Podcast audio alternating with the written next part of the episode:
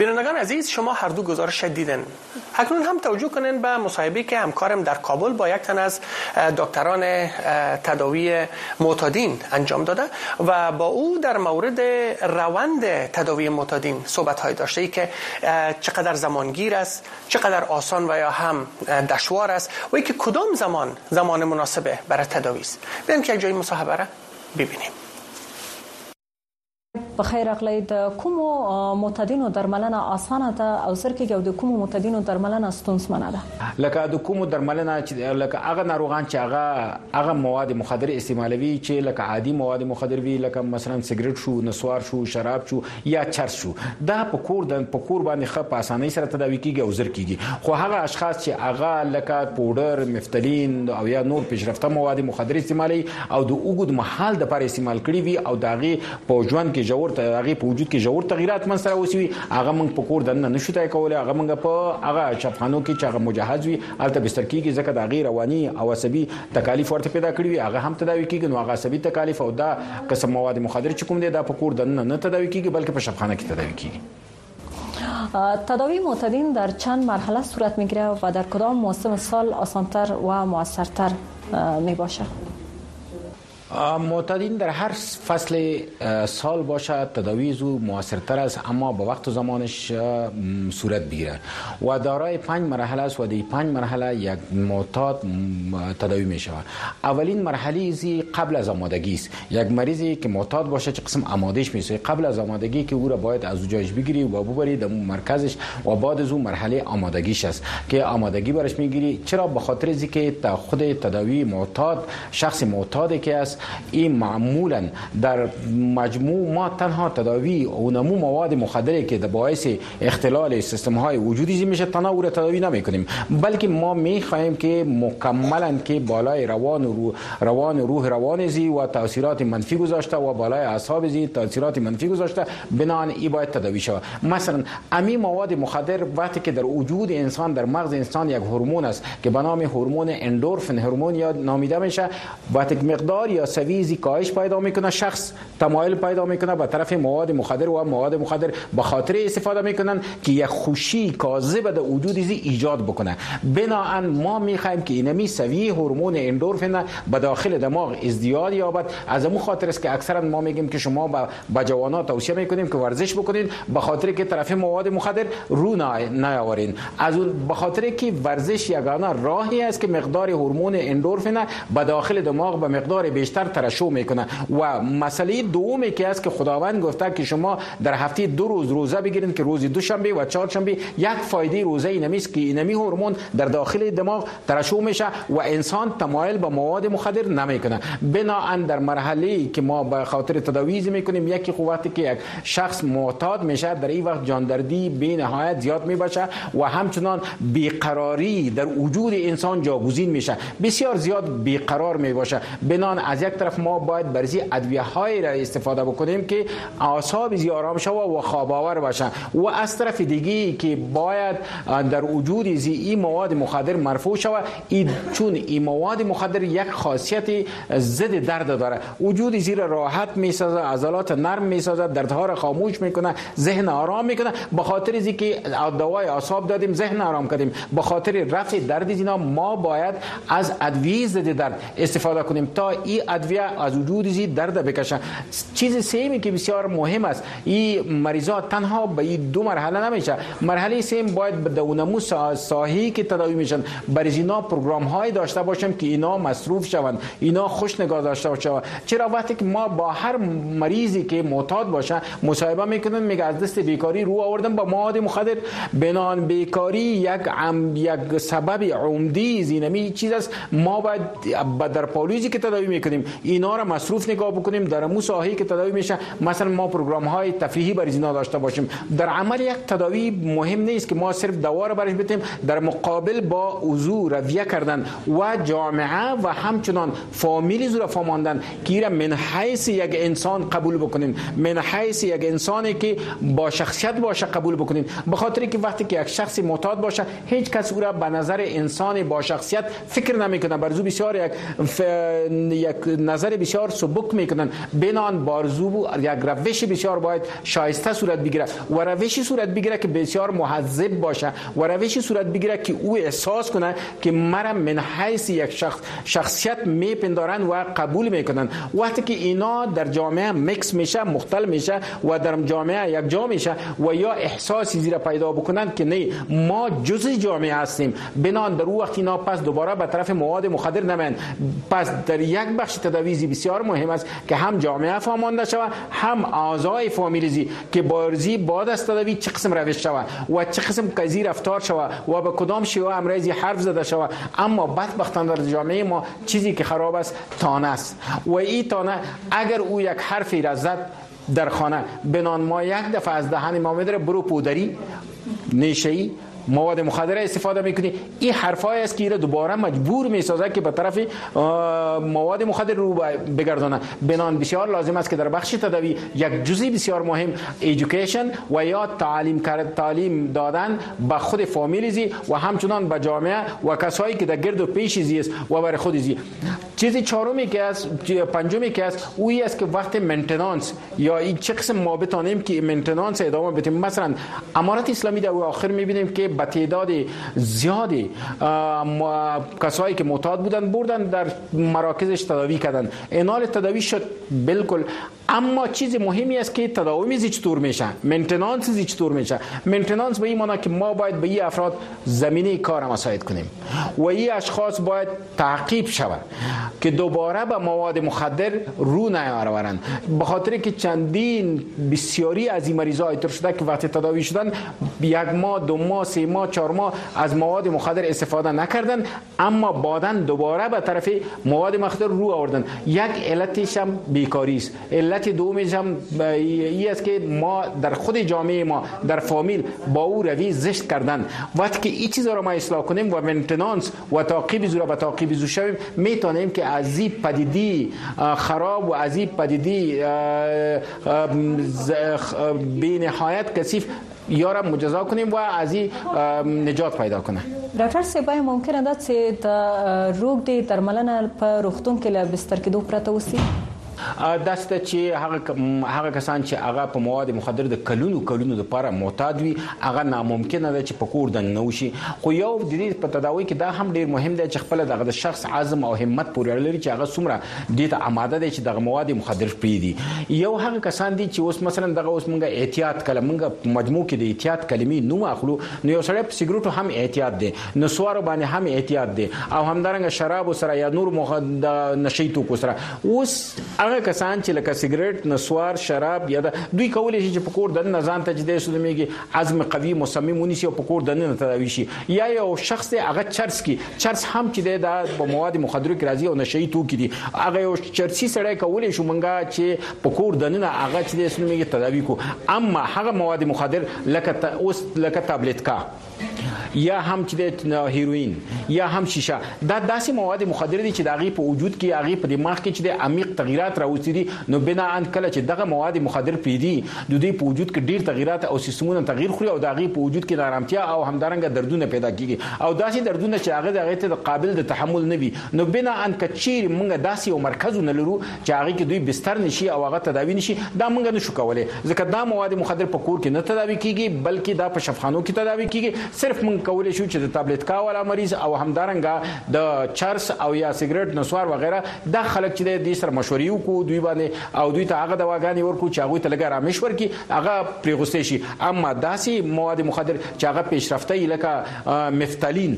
مفتالین په خپل یو مواد مخدر دي چې په دویم جنگ د جهانی کې د اساکر لپاره د دې لپاره چې دوی ډیر ضرور شي خوب یو نسی او دوی همیشه ځان قوي احساس کی دا ډیر زیات استفاده کیدل چې بل اخر دغه مفتالین په شکل د شیشه راغله. او اوس عادي خلک چې په شکل د شیشه باندې دغه دویم جنگ جهانی هغه تحفه و چې دغه افغان نه تنها افغانستان بلکې د ټولي دنیا خلکو ته چې د راپات شو. دغه په نتیجه کې دغه دواګانې چې کوم دي یا دغه هیروین چې دي دا باید په شفخانو کې تداوی شي. په کور دنه دا نه تداوی کیږي خانواده ها چی کنند تا عضو خانواده معتادشان راضی شوند برای تداوی از همه کده مهمتری است که یکی تداوی عضو معتاد است و یکی با او روش است. شریعت برای ما میگه و انک لعلی خلق عظیم. بهترین اون است که اخلاق خوب و نیکو داشته باشه و با مردم روش نیک داشته باشد. در جای دوم می فرماید خیر الناس من ينفع الناس. بهترین انسان او است که نفعش به یک انسان دیگه برسد. چیز سیم حدیث شریف است که میگن المسلم من سلم المسلمون من لسانی و یدیه مسلمان شخصی است که از زبان و از دست مسلمان دیگه به امان شود آلی معتاد اعضای فامیل ماست. وقتی که اعضای فامیل ماست ما باید با او روشی کنیم که بسیار یک روش پر محبت روش پر از خلوصیت. وقتی که با حضور روش محبت می‌کنیم و او را به حیث یک شخص با وقار و با شخصیت او را قبول می‌کنیم او احساس می‌کنه در داخل خود. وقتی که احساس کرد او دوباره به طرف مواد مخدر رو نمی آورد دوم ما باید هیچگاه در داخل فامیل خود به او شخصی که معتاد است دوباره او چیزهای یا کارهای یا اعمالی که در سابق سیبری شده او را برش یادآوری نکنیم و پس بر رویش نکشانیم. به شکل تعنه اینمی بر روی کشاندن او را وادار می سازد که پس به طرف اونمو مواد مخدر که در سابق استفاده می‌کرد پس رو بیاورد. بناهن روش انسانی و روش نیک و روش خلق خوب و زبان نرم.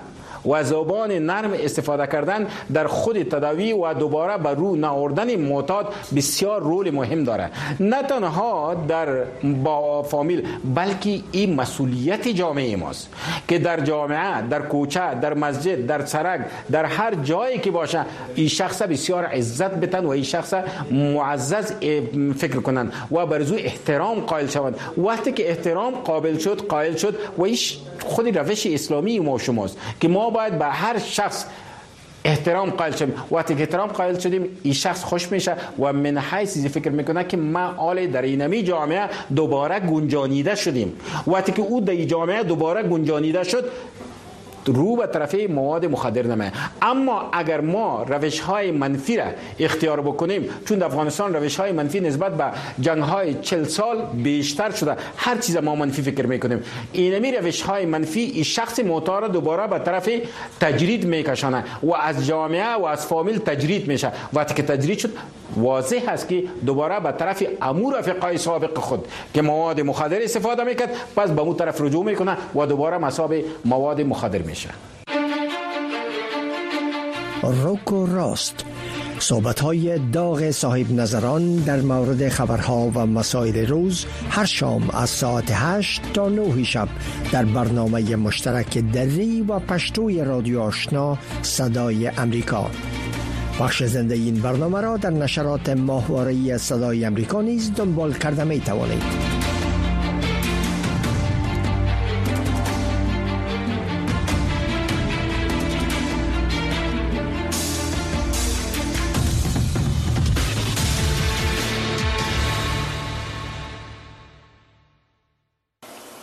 بینندگان عزیز بیماران در سراسر جهان مدتها پس از رفع زنجیره تامین دواهای مرتبط به کووید 19 یا دواهایی که به خاطر تداوی کووید 19 به اینا ارائه شد هنوز هم با کمبود دوا مواجه هستند.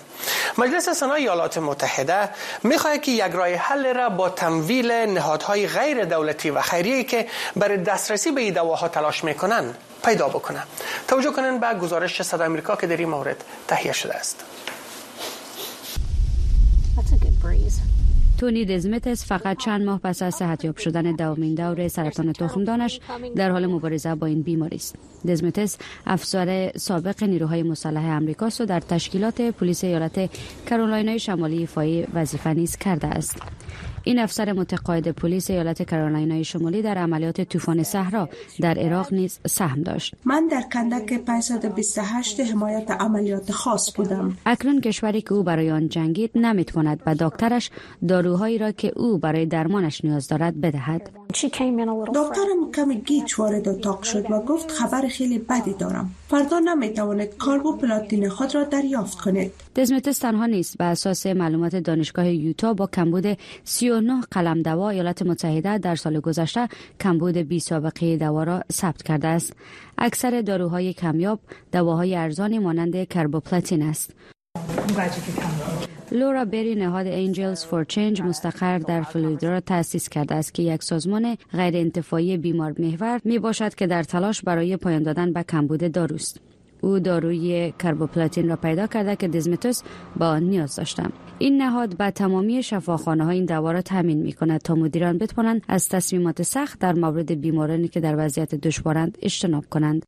این خریدار دواساز و دکتر دارای اخلاق طبی است که پرونده ها را باز می کنند و می گویند چی کسی این دوا را دریافت می کند و چی کسی نمی تواند این استراتژی فعلی ما برای کاهش کمبود دوا در ایالات متحده است. کنگرس امریکا در حال توجه به این موضوع است ما نتوانستیم 90 درصد از بیماران را طبق برنامه درمان کنیم که باید دارو را دریافت می کردند. کارشناسان علت این کمبود را قیمت ارزان دوا دانند در اینجا نحوه عمل کرده آن آمده است که یک داروی تزریقی نیاز به آزمایش و توسعه گسترده دارد. این نیاز به پروتکل های دقیق ساخت و تایید نظارتی از اداره غذا و داروی آمریکا یا FDA دارد. و سپس کارشناسان می‌گویند که بازار قیمت را به کمتر از قیمت یک بوتل آب کاهش می‌دهد. این بدان معناست که هند جایی که FDA اخیرا برخی از واردات را به دلیل مسائل کیفی مسدود کرده است و یا چین تأمین کننده اصلی داروهای ایالات متحده است. توانیم از هر طیف بیماران داشته باشیم و شامل بیماران سرطانی یا اطفال یا سایر بیماران شود و ما به داروها نیاز داشته باشیم. زیرا یک کشور به سادگی می تواند دسترسی ما را به این داروها مانع شود. این در حالی است که ما به کشورهای دیگر برای ساخت مرمی در هنگام جنگ به ویژه دشمنان قسم خورده خود متکی نیستیم. سرطان تونی پس از دریافت کربوپلاتین داروی نجات بخشی که همچنان در کمبود است اکنون در حال بهبودی است. سهر تلویزیون آشنا صدای امریکا واشنگتن. د بوالي سینا خبرونه ته شرغلاست درنو لیدونکو د تویو یا سینې کوچنی کول یا د وادي مخنیول هغه دود دی چې د نایجیریا د ځینو برخو په ګډون په افریقا کې 3.8 میلیونه انجونې زپې د دغه دود هدف د پیغلتوب ځندول دی. نور تفصيل پر رپورت کې وګورئ. ناروغ ولماز لسکلانه و چې د تیو د کوچنی کولو دغه دود په عملی شوه د مور سره دا تشويش وو چې د نارینه او پام به ورته واوري نو پته یې ورته سور او تو تیر کړ چې وسوځي او وده ونه کی دا ډیر دردناک عمل دی. ما دا احساساو چې ټول بدن می سور دی. لاس کال وروسته اوس ولماز غوړي چې دغه دردناک رواج ختم شي. وکټوريا ولماز چې د تیو د کوچنی کولو د دود دغه درد په تیر شوه دی وایي پښیمانه ده چې په خپل یې په خپل لور هم دا حال راوست او د دې درد نه کړيږي دوی په ما دغه دود اجرا کړو او کار وکړو. خو کله چې زما خپل لور وشو ما د هغې ته اوتو کړل. کار ونه کړ. دوی نور لونه می هم وي خو په هغه می دا رواج عملی نه کړو. مګر دومره مې زړه ته را نکدي کړي چې ملګری مشوي دا سه ملګری چې هر شی دوه وغوړي نو راځي راته وایي د افریقا د روغتیا د سازمان یو نړیواله صحي اداره وایي دا ډیره سخته ده چې سړی وایي چې په نایجیریا کې به په څومره خزو د تیو د کوچنی کولو یا د ودې د مخنیوي د دود تر سره شوی وي. خو په غونډه افریقا کې د دود 3.8 میلیونه خزي زپی تاسو د ته فکر وکړئ چې څوک یو تیګه په اور خ سره کوي. ساسو د وجود په یو ځای کې او خ فشار پر راوړي چې وجود مو وسوځيږي صرف په دې خاطر چې نه غوړي تاسو د وجود یو برخه وده وکړي. هیڅوک د حق نه لري چې د یو بل کس د وجود د وده او انکشاف ته اندازې پریکړه وکړي په نایجیریا کې دغه د تیو کوچنی کول چې وده یې وزندېږي داسې جنایي عمل ګڼل کیږي لکه د خزو سنتول او په جبر او زور د خزو ودول نایجیریا په 2015 کال کې د انسانانو سره د تشدد د مخنیوي قانون جاری کړی دی. په خاص ډول که هر چا دغه سي دودونه او رواجونه عملي کړل سزا یې سلور کاله بند یا 1550 ډالر جریمه او یا هم په دې دوړو سزاګانو محکوميږي خو د دې قانوني شرایطو سره سره په نایجیریا کې د سینې لیدل شوی چې سرغړونکو ته د سزا ورکړ شوی وي. د جکوې په نوم یو کلی کې یو سیاستمدار او قاضي ډاکول وایي د دې کلیوال د حکومت سره کار کوي چې د سینو کوچنی کولو دود بند شي. په ځینو خاصو ځایونو کې لکه د چکوي په کلی کې خلک لا هم د جنونو سینې سوځوي. خو زما د کلی رهبران حکومت غوږ نیسي دوی خپل نهایي هڅه کوي چې دغه انانه ختم شي. دغه عمل یوازې جسم نه تخریبوي بلکې روح او روان تخریبوي په نورو ضررونو کې یو ضرر دا دی چې تی بد شکل کیږي د شیدو تولیدول زندېږي او د امراضو د سرایت سبب کیږي. د داګویګبو او ولماس په شان مبارزین چې د غدود په عملی شوه دی وایي یوازې قانون کافی نه دی. دوی کوشش کوي چې په هغه ټولنو کې چې د تیو د ودې د مخنیوي لپاره اوس هم د غرواج پکې شته د مطبوعاتو او د ټولنې د مشرانو د تبلیغاتو په وسیله دغه ضررناک دود نور ختم شي زیبا خادم امریکا آشنا تلویزیون. شما بیننده برنامه بوالیسینا صدا امریکا هستین. بینندگان عزیز در سلسله نشر گزارش ها و مطالب آگاهی دهی در مورد بیماری های سرطان در این هفته باز هم مصاحبه داریم. شافع جان مصاحبه هفته ما در مورد؟ بله په دې باره کې د چې خالونه دانه او پوستکي اکثره وخت موږ یو معمولی ستونزه بولو. مګر دا چې باید ځانګړې پاملرنه ودی ته وسی چې اکثره وخت دا خطرناک ناروغي باندې بدلیږي چې د پوستکي د سرطان سبب هم کیږي. نو راځي چې زموږ همکاري مینه سادات په دې باره کې مرکه کړې ده په ګډه به یو وینو میبینیم ډاکټر صاحب سلامونه. د بولیسنا خبرونه ته خراغلاست وعلیکم سلام. زما هم سلامونه تاسو ته او تاسو له طریقه ګران هیوادوالو ته مننه. ډاکټر صاحب که تاسو لطف وکړئ او زموږ لیدونکو ته روښانه کړئ چې کوم د پوستکي سرطانونه ډیر معمول دي او د دې سرطانونو د رامنځته کېدلو لاملونه کوم دي د پوستکي د سرطان علای مختلف دي کله ناکله د ویکټلی یا پورسوب منسراتک هم په دې مرض باندې دلالت کولای شي په یو تعداد حالاتو کې هغه خالونه یا هغه لکې چې په خوشتون لري د هغه په اندازه کې کډیروالی راشي یا هم شکل کې تغیرات راشي یا الته کوم ټاپ یا زخم منسر راشي هغه ساحه خونریزي وکي او وینه لغې ساحه څخه ځای شي. او نور نخي مربوطه نخي منځ راشي. نو موږ ویلای شو چې ناروغ باید مربوطه متخصص مراجعه وکړي ترڅو دا سرطان په موقع سره تشخیص او تداوی شي. ډاکټر صاحب کله کله موږ د پوستکي خالونه یا رنگ بدلون نظر انداز کوو. آیا دا د پوستکي د سرطان نښانه کېدای شي؟ او یا که تاسو لطف وکړئ او وایاست چې په عمومي ډول د پوستکي د سرطانونو نښې نښانې کمی دي د پوستکي د سرطان علای مختلف دي کله ناکله د ویکټلی یا پورسوب منسراتک هم په دې مرض باندې دلالت کولای شي. په یو تعداد حالاتو کې هغه خالونه یا هغه لکې چې په خوشتون لري د هغه په اندازه کې کډیروالی راشي یا هم شکل کې تغیرات راشي یا الته کوم ټاپ یا زخم منسر راشي هغه ساحه خونریزي وکي او وینه لغې ساحه څخه ځای شي. او نور نخي مربوطه نخي منځ راشي. نو موږ ویلای شو چې ناروغ باید مربوطه متخصص مراجعه وکړي ترڅو دا سرطان په موقع سره تشخیص او تداوی شي. او وروستنی پوښتنه هم دا چې ډاکټر صاحب د پوستکي د سرطانونو د مخنیوي یا درملنې لپاره څه باید وشي څنګه چې مخکې یادونه وکړه عمده علت د لمر وړانګه د یا هم مورای بنفشته نو د مخنیوي په برخه کې کزموک پوستکای په دوامدار ډول سره لمر سره موجي نشي مخامخ نشي نو د دې سرطان احتمال ډیر راکمیږي او د تداوی په برخه کې اکثرا دغه ناروغان د جراحي په واسطه باندې تداوی کیږي یو تعداد حالاتو کې د وړانګې په واسطه تداوی چې د رادیوتراپي په نامه یادېږي هم ضرورت پیښیږي او د دې په څنګ کې کیموتراپي یا هم موضوعي تداوی ته هم ضرورت پیښیږي چې د ناروغ ته شروع شي ډاکټر صاحب ډیره مننه چې د بو علي سینا خبرونه کې مو ګډون وکړ د خدای په امان و باز هم گزارش های در مورد مواد مخدر. بینندگان عزیز مسئولان شفاخانه هزار بستر درمان متادان در شهر کابل میگن که مطالعه بخشی از درمان متادان در این مرکز است. وحید الله که یک تن از متادان تحت درمان است میگه که مطالعه کتاب ها تانسته که در روند تداوی اعتیادش خیلی ممد واقع شود. توجه کنین به این گزارش. وحیدالله که فارغ رشته ادبیات از پوهنتون کابل است حالا به دلیل ایجاد در شفاخانه هزار بستر درمان معتادان در شهر کابل تحت درمان قرار دارد. بخشی از فعالیت های روزانه او مراجعه به این کتابخانه در داخل شفاخانه است.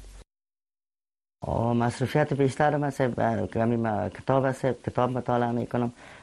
میایم سه از کتابخانه کتاب عرض می‌کنم اینجا ثبت نام میشم دوباره. باز کتابی که مطالعه کردم پس دوباره تسلیم کتابخانه می‌کنم. کتاب مورد نظر ما گرفته پس دوباره به اتاق میرم. اکثر وقت از طرف پیشین سه مصرف از کار باشم در این کتابخانه 1400 جلد کتاب در بخش‌های مختلف وجود دارد و روزانه ده ها معتاد به منظور مطالعه به اینجا مراجعه می کنند. برنامه خاص داریم به مریضایی که در کتابخانه مراجعه نمی‌کنند. مثلا جلسات تشویق کتابخانه داریم که جلسات باعث میشه مریضانی که از لحاظ تشنج و از لحاظ روی دچار آشفتگی هستند رو به کتابخانی مطالعه برن که خود در بهبود سطح مطالعه و همچنان تشویق مریضان جهت دوری از مواد مخدر بسیار مفید می باشد. با گفته دکتران ایجاد کتابخانه و سهولت مطالعه سبب بلند رفتن ظرفیت معتادان شده و در روند درمان آنان موثر تمام می شود. مساعد شدن زمینه مطالعه برای معتادینی که در شفاخانه های تداوی معتادین قرار دارن کمک می‌کنه که بتونن روش های زندگی کردن بهتر و دوری جستر از استفاده دوباره مواد و امید برای آینده داشتن و برشان مساعد بسازن. باید گفت که همکنون هزاران معتاد در این شفاخانه تحت درمان قرار دارند. این معتادان از حکومت طالبان می‌خواهند که پس از درمان زمینه کار را برای آنان فراهم سازند. احمد زکی تلویزیون آشنا صدا امریکا کابل. د بوالی سینا د خبرونه ډیرو قدرمن لیدونکو په افغانستان کې دا یو دود دی چې کورنۍ کډیر سامان ولري نو هغه کورنۍ شتمنه بلل کیږي. خو میرمنجانه درې ځامن لري او د درو ځامنو څخه د زوريږي په دې خاطر چې هغه په نشي مواد اخته سوي دي. پامکړی په دې اړه رپورت ده د میرمنجانې په نوم دغه مور وایي چې ځامنې د دوی د پلار له مرګ وروسته. له ناسمو ملګرو سره د ناستې له امله په نشو وخته شوي دي.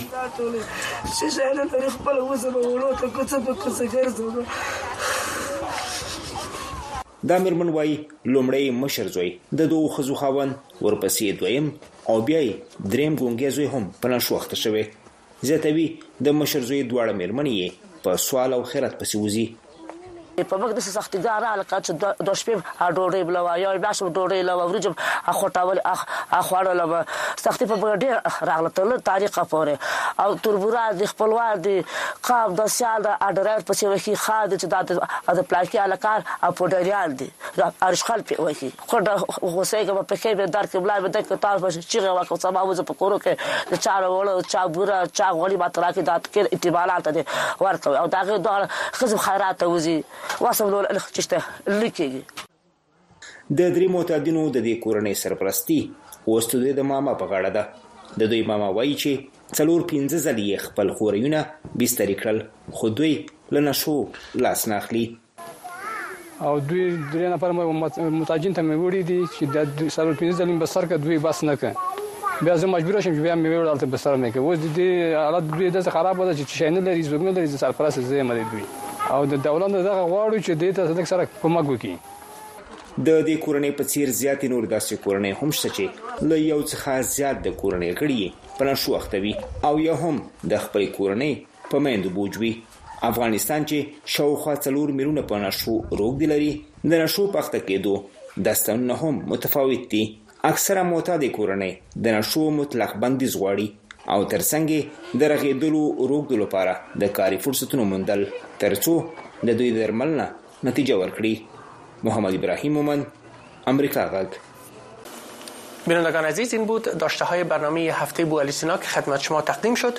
امید که مورد پسند و توجه شما قرار گرفته باشه او د دې خبرونې د لاشه کېدلو لپاره ستاسو د سالمو نظرونو او پیشنهادونو په تمه یو گزارش ها و مصاحبه هایی که در این برنامه نشر شد شما در صفحات فیسبوک و اینستاگرام دری و پشتوی صدای امریکا هم خوانده می‌تونید. تا هفته آینده خدا نگهدار.